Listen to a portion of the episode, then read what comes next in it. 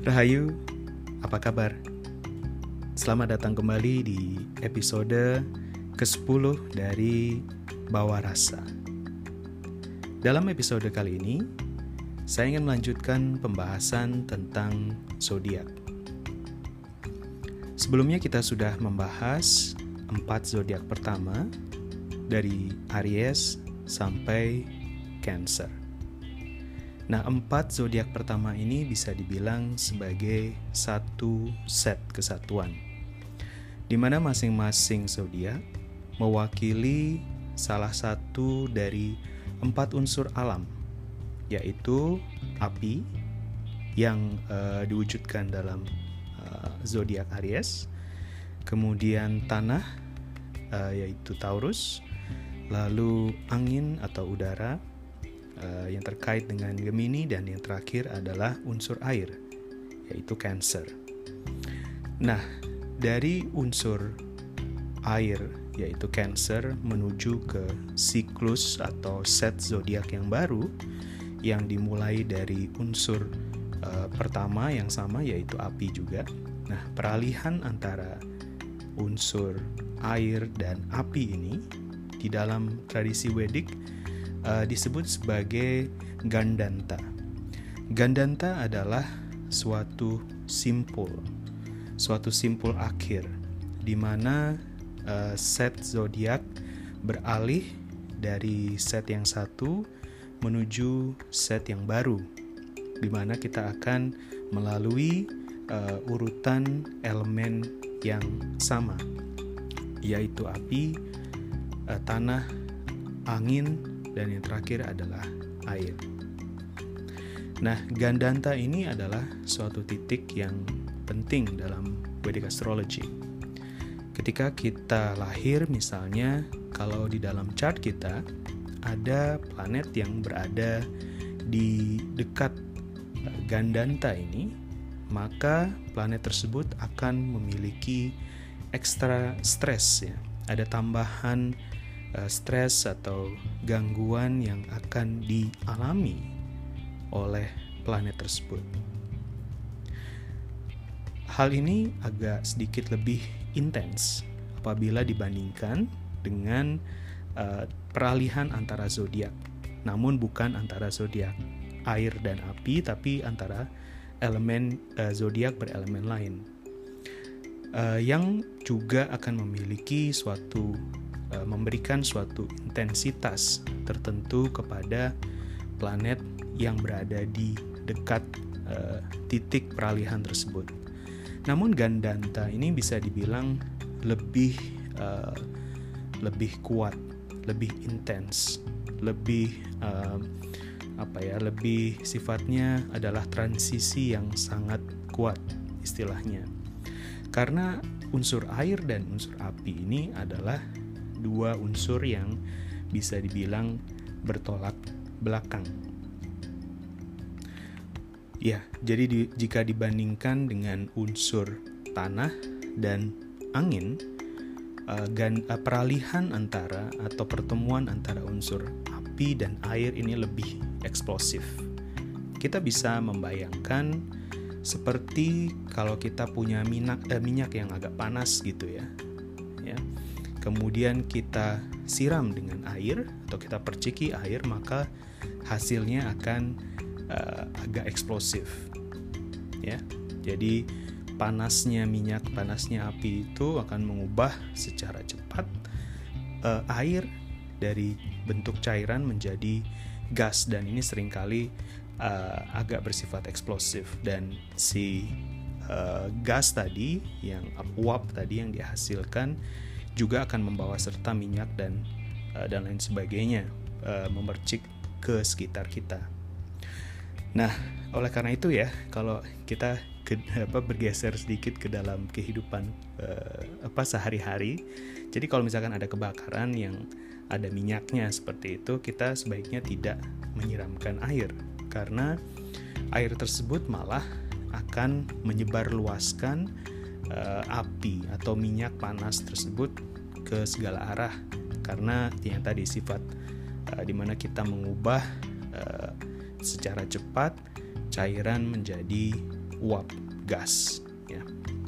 Oke, kurang lebih uh, sifat dari Gandanta kalau bisa dibayangkan atau dikaitkan dengan kehidupan uh, sehari-hari adalah uh, seperti tadi. Nah, maka planet-planet yang berada di dekat peralihan antara dua zodiak berunsur uh, api dan uh, air dan api ini, maka dia akan memiliki sifat yang lebih eksplosif, yang lebih intens. Di dalam lingkaran zodiak ada tiga titik gandanta. Yang pertama adalah antara Cancer dengan Leo. Yang kedua adalah antara Scorpio dan Sagittarius. Dan yang terakhir adalah di antara Pisces, Pisces dengan Aries. Oke. Sekarang kita akan masuk ke pembahasan uh, untuk episode kali ini, yaitu Leo. Nah, di dalam uh, tradisi uh, Vedic astrology atau Jyotisha, ada berbagai karakteristik atau sifat-sifat dasar yang mewarnai setiap zodiak. Dan sifat-sifat ini adalah sifat-sifat yang berulang. Jadi, istilahnya adalah ada semacam harmoni antara berbagai petak-petak zodiak, termasuk juga nakshatra, uh, yang memiliki sifat-sifat atau irama yang kurang lebih sama. Sebenarnya ada cukup banyak ya karakter tersebut, tapi hari ini saya mungkin hanya akan membahas 5 uh, sifat-sifat dasar tersebut. Sifat yang pertama adalah sifat dualitas.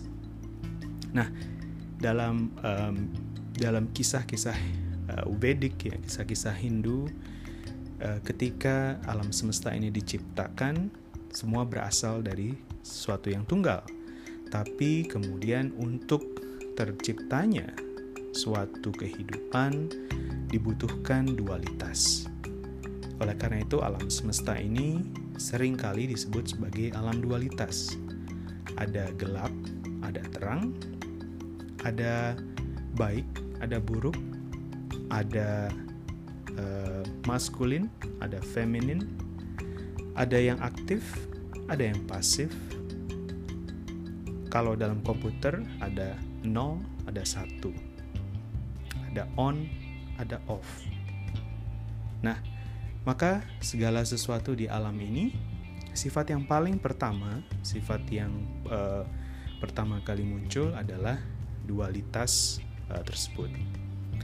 Begitu juga di dalam suatu zodiak.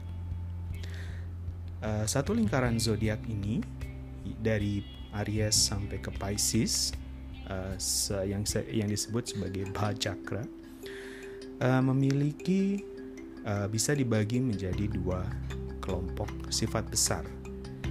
Yang pertama adalah dimulai dari uh, awal Aquarius hingga akhir dari Cancer itu adalah sisi yang disebut sebagai sisi feminin. Feminin di sini, uh, feminin dan maskulin di sini bukan uh, berarti atau terkait dengan uh, seksualitas manusia, tetapi adalah dualitas awal tersebut. Ya, Sisi feminin tersebut yang dari yang berasal dari Aquarius hingga akhir Pisces itu adalah sisi feminin yang dikuasai oleh bulan. Sedangkan sisi satunya lagi yaitu dimulai dari uh, awal Leo hingga akhir dari Capricorn itu disebut sebagai sisi maskulin.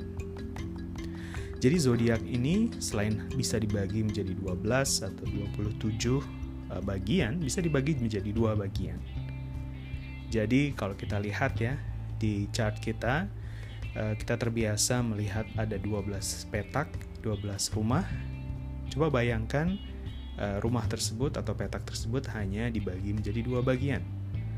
Dan lihatlah di mana paling banyak planet-planet uh, kita berada dan itu menunjukkan adalah sifat sifat dasar tadi ya sifat yang paling basic paling awal sifat dualitas maskulin dan feminin.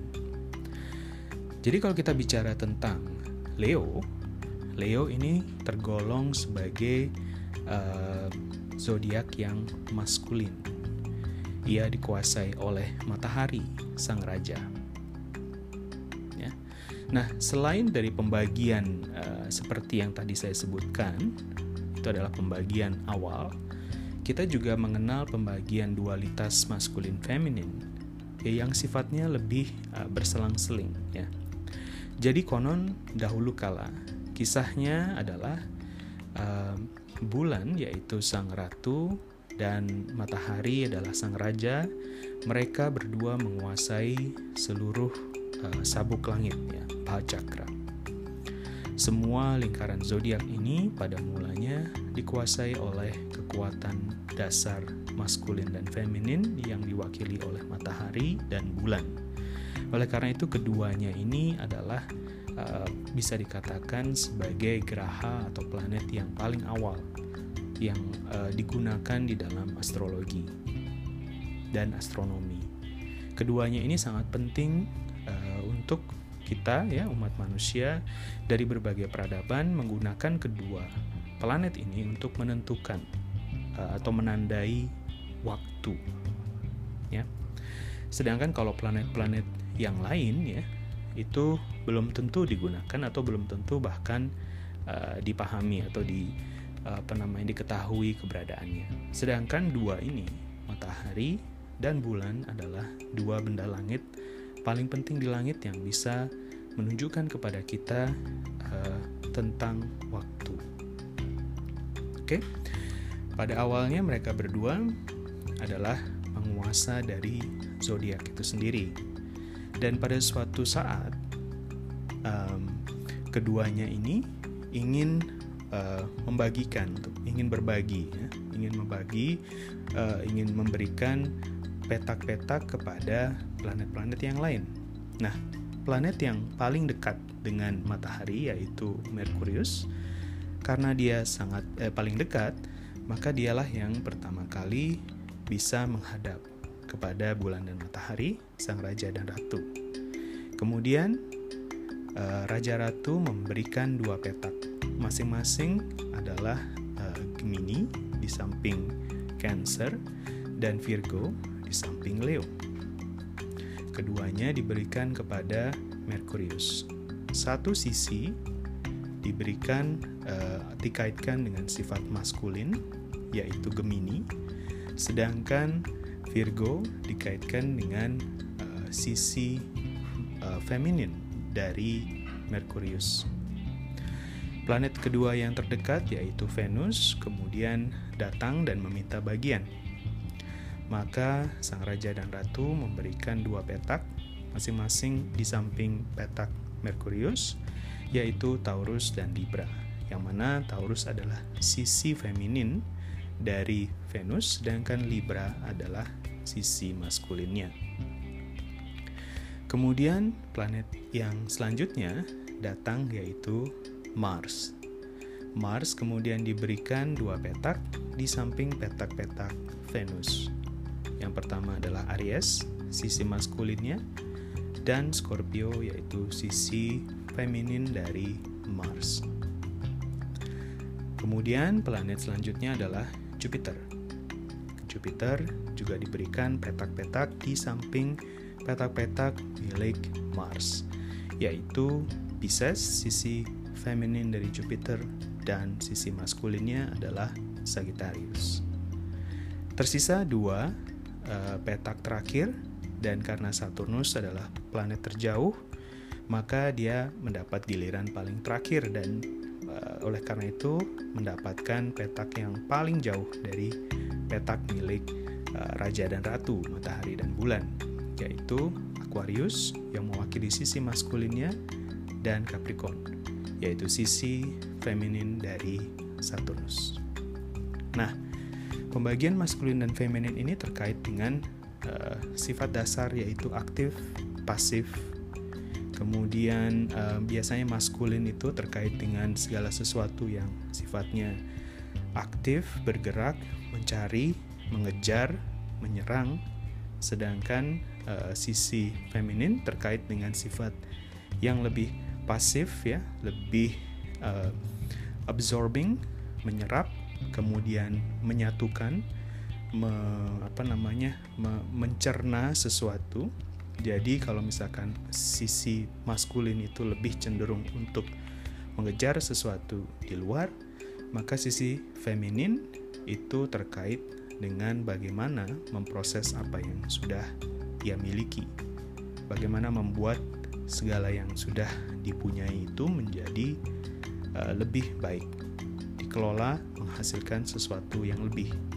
Ya, sedangkan maskulin tadi lebih cenderung untuk mengejar mencari sesuatu yang baru untuk menambahkan sedangkan uh, sisi feminin itu lebih kepada pengelolaan sesuatu yang sifatnya lebih reseptif dan intuitif oke okay?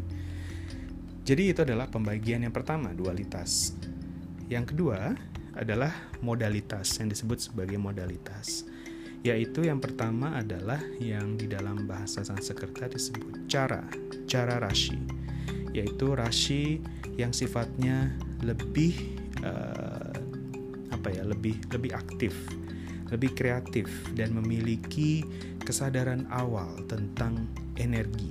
Jadi sifat dasarnya adalah energetik gitu ya.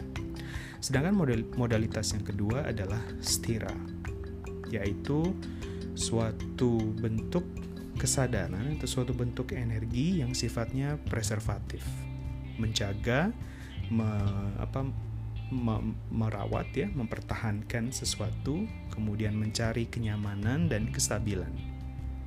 Dan yang ketiga adalah dwiswabhava, yaitu uh, kondisi dual atau dualitas, di mana di dalam dwiswabhava ini terdapat setengah cara dan setengahnya lagi adalah stira. Jadi bisa dikatakan bahwa um, sifat dari Dwiswabhawa ini terkait dengan dissolution atau penghancuran atau perombakan di mana kedua sisi tadi sebenarnya cara ini sangat lekat ya sangat dekat dengan sifat-sifat yang tadi kita uh, kaitkan dengan sifat maskulin dan stira ini terkait dengan sifat feminin. Sedangkan pembagian modalitas ini istilahnya dia menambahkan lagi mencampurkan keduanya menjadi tiga jenis sifat. Duswa bahwa ini juga terkait dengan segala sesuatu yang ada di antara segala sesuatu yang belum selesai belum jadi atau bukan ini atau bukan itu ya. Da, atau juga sifat Duswa bahwa ini terkait erat dengan skill dengan kemampuan keahlian kita. Di samping juga uh, kemampuan kita untuk belajar mempelajari sesuatu yang baru. Ketika kita sedang belajar kita tidak sedang berada dalam kondisi menganggur ataupun bekerja ya. Kalau bekerja itu diasosiasikan dengan cara dan menganggur itu dengan stira atau sedang liburan gitu ya, sedang istirahat. Nah, belajar ini ada di antaranya. Dia tidak sedang menganggur, tidak sedang berlibur, tapi tidak juga sedang bekerja. Ya, itu adalah kondisi Dwiswabhava. Di mana di sana ada lebih banyak unsur ketidakpastian, perubahan, dan lain sebagainya. Nah, untuk Leo, uh, sifatnya adalah lebih kepada stira. Jadi menariknya adalah Leo ini meskipun dia maskulin, tetapi dia lebih stira, yang lebih dekat sebenarnya sifatnya dengan sisi feminin. Nah sering kali kita melihat ya orang-orang dengan uh, Leo yang cukup dominan, dia adalah orang-orang yang uh, sangat mengetahui tentang uh, istilahnya domainnya wilayahnya seperti apa. Mereka ini adalah orang-orang yang independen. Mereka yang uh, apa menyukai uh, bekerja uh, secara merdeka, secara mandiri dan juga uh, mereka tidak tidak terlalu suka ketika dia harus di atur-atur seperti itu. Dia sudah punya caranya sendiri, ya. Jadi sifatnya tadi ya maskulin, dia aktif, dia menunjukkan siapa dirinya, dia tidak menerima uh, apa namanya pengaruh terlalu banyak dari luar, tapi di sisi yang lain dia setira, dia ingin mempreserve. Jadi mereka ini tergolong sebagai orang-orang yang uh, apa ya, yang baik sebagai manajernya. Ketika dia mengetahui atau uh, memahami wilayah atau ruang kerjanya, maka dia akan menjadi seorang manajer yang baik karena dia akan mencoba mempertahankan uh, proses yang ada di dalamnya dan di sisi, di sisi yang lain dia juga aktif istilahnya menunjukkan uh, kekuasaan tersebut dalam pengertian seperti itu. Kemudian pembagian berikutnya adalah pembagian uh, elemen ya seperti kita sudah pahami ada ada lima sebenarnya elemen uh, alam dalam tradisi Wedik. Namun elemen yang uh, pertama yaitu elemen ruang itu adalah elemen yang mewarnai semuanya. Bisa dibilang bahwa elemen ruang itu adalah chart yang kita baca. Itu adalah uh, diwadahi oleh elemen ruang. Elemen ruang ini sifatnya menampung, mewadahi, kemudian uh, menyatukan ya semua elemen-elemen yang lain. Nah, sisanya elemen yang lain tersebut adalah tadi ya, fire, api, tanah, air dan angin. Sifat api adalah lebih intuitif dan dia fokus kepada self, pada diri sendiri. Kemudian elemen tanah, dia cenderung lebih rasional dan material segala sesuatu harus nyata. Tanah itu adalah elemen yang paling berat, paling fisik, paling materi ya di antara elemen-elemen yang lain. Sedangkan elemen ketiga yaitu angin, dia cenderung untuk fokus lebih kepada intelektualitas dan uh, bersifat sosial.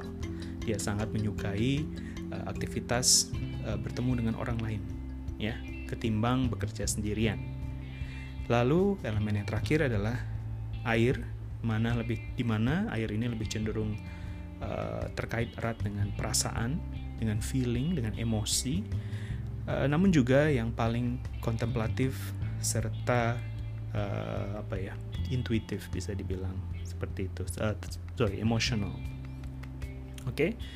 jadi uh, Leo di sini terkait dengan unsur api tadi yaitu unsur yang intuitif dan self ya terkait dengan diri. Oke, selanjutnya adalah pembagian terkait dengan uh, guna atau triguna yaitu tiga sifat alam dan empat uh, warna atau empat profesi.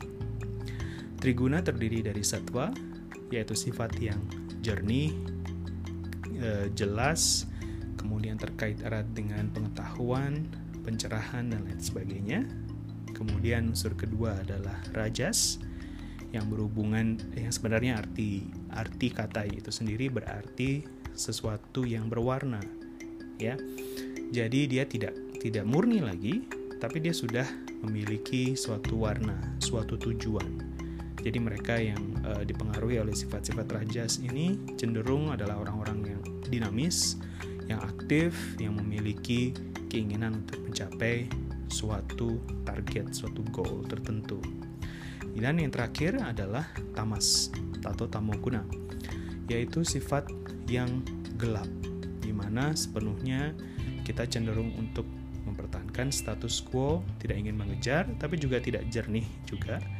Uh, dan di sisi yang lain, tamas ini terkait dengan istirahat, tidur, ya. Jadi terkait dengan inersia nah uh, sifat yang tadi yang satu lagi adalah empat warna atau empat profesi yaitu brahmana profesi yang terkait dengan intelektualitas seperti profesor peneliti uh, apa namanya ahli-ahli di berbagai bidang termasuk juga dalam bidang keagamaan, spiritualitas dan sebagainya. Yang kedua adalah profesi ksatria. Ini adalah profesi yang lebih banyak uh, menggunakan fisik, ya, lebih kuat secara fisiknya dan fisiknya ini digunakan untuk melindungi, untuk menjaga sesuatu yang uh, ada, misalkan menjaga keamanan dan ketertiban di tengah masyarakat. Jadi kelompok satria ini uh, kalau zaman modernnya adalah uh, profesi polisi, uh, kemudian militer, termasuk juga sipil yang bertugas untuk menjaga misalkan seperti satpam dan lain sebagainya. Nah, profesi ketiga adalah Waisya. Waisya adalah profesi yang terkait dengan ekonomi, bagaimana e, menggerakkan ekonomi. Mereka ini adalah para pengusaha, para pedagang, ya, dan mereka mereka yang bergerak di bidang keuangan.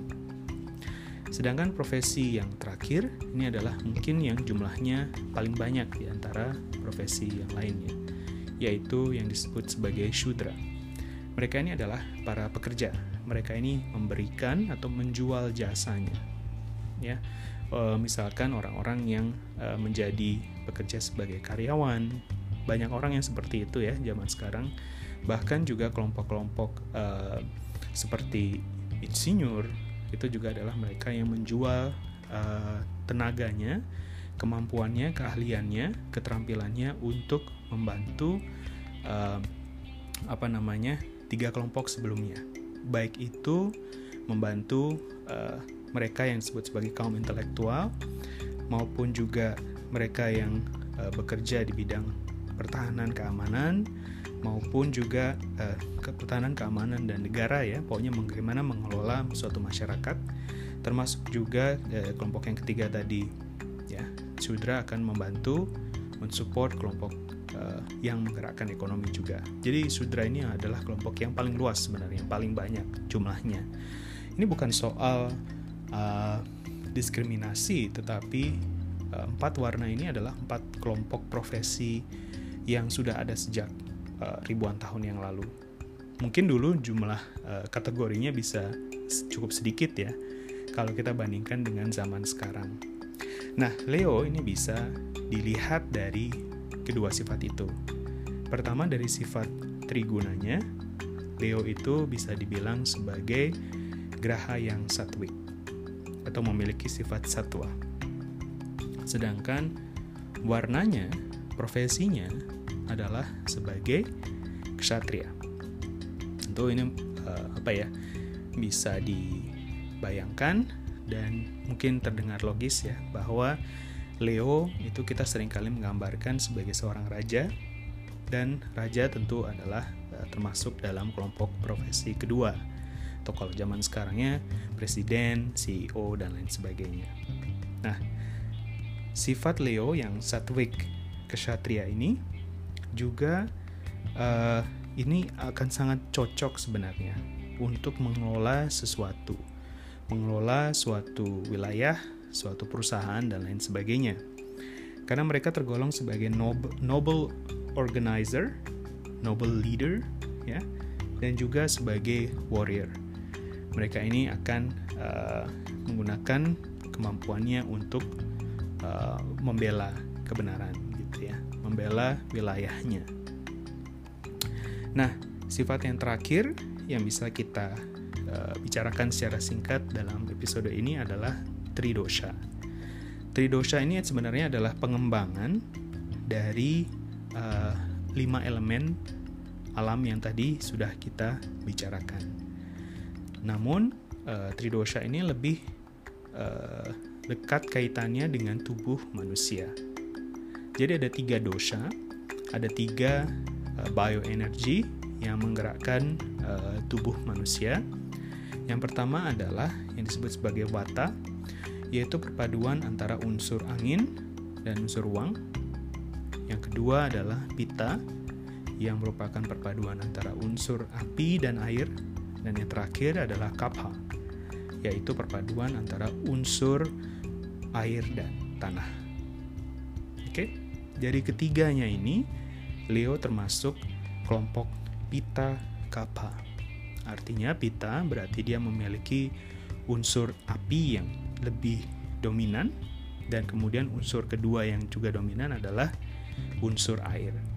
api ini tadi kan terkait dengan unsur alamiahnya yaitu memang unsur api jadi mudah kita kaitkan dan sedangkan unsur kapanya ini unsur air dan tanahnya ini lebih terkait dengan unsur uh, dengan sifat setira yang tadi kita sudah bicarakan dan kita juga bisa menebak kalau misalkan seseorang memiliki Leo yang cukup dominan misalkan uh, laknanya adalah ada di Leo kemudian e, matahari berada di sana, bulan di sana dan lain sebagainya jadi cukup dominan, maka bisa dikatakan bahwa orang tersebut memiliki dosa, pita dan kapa yang lebih dominan.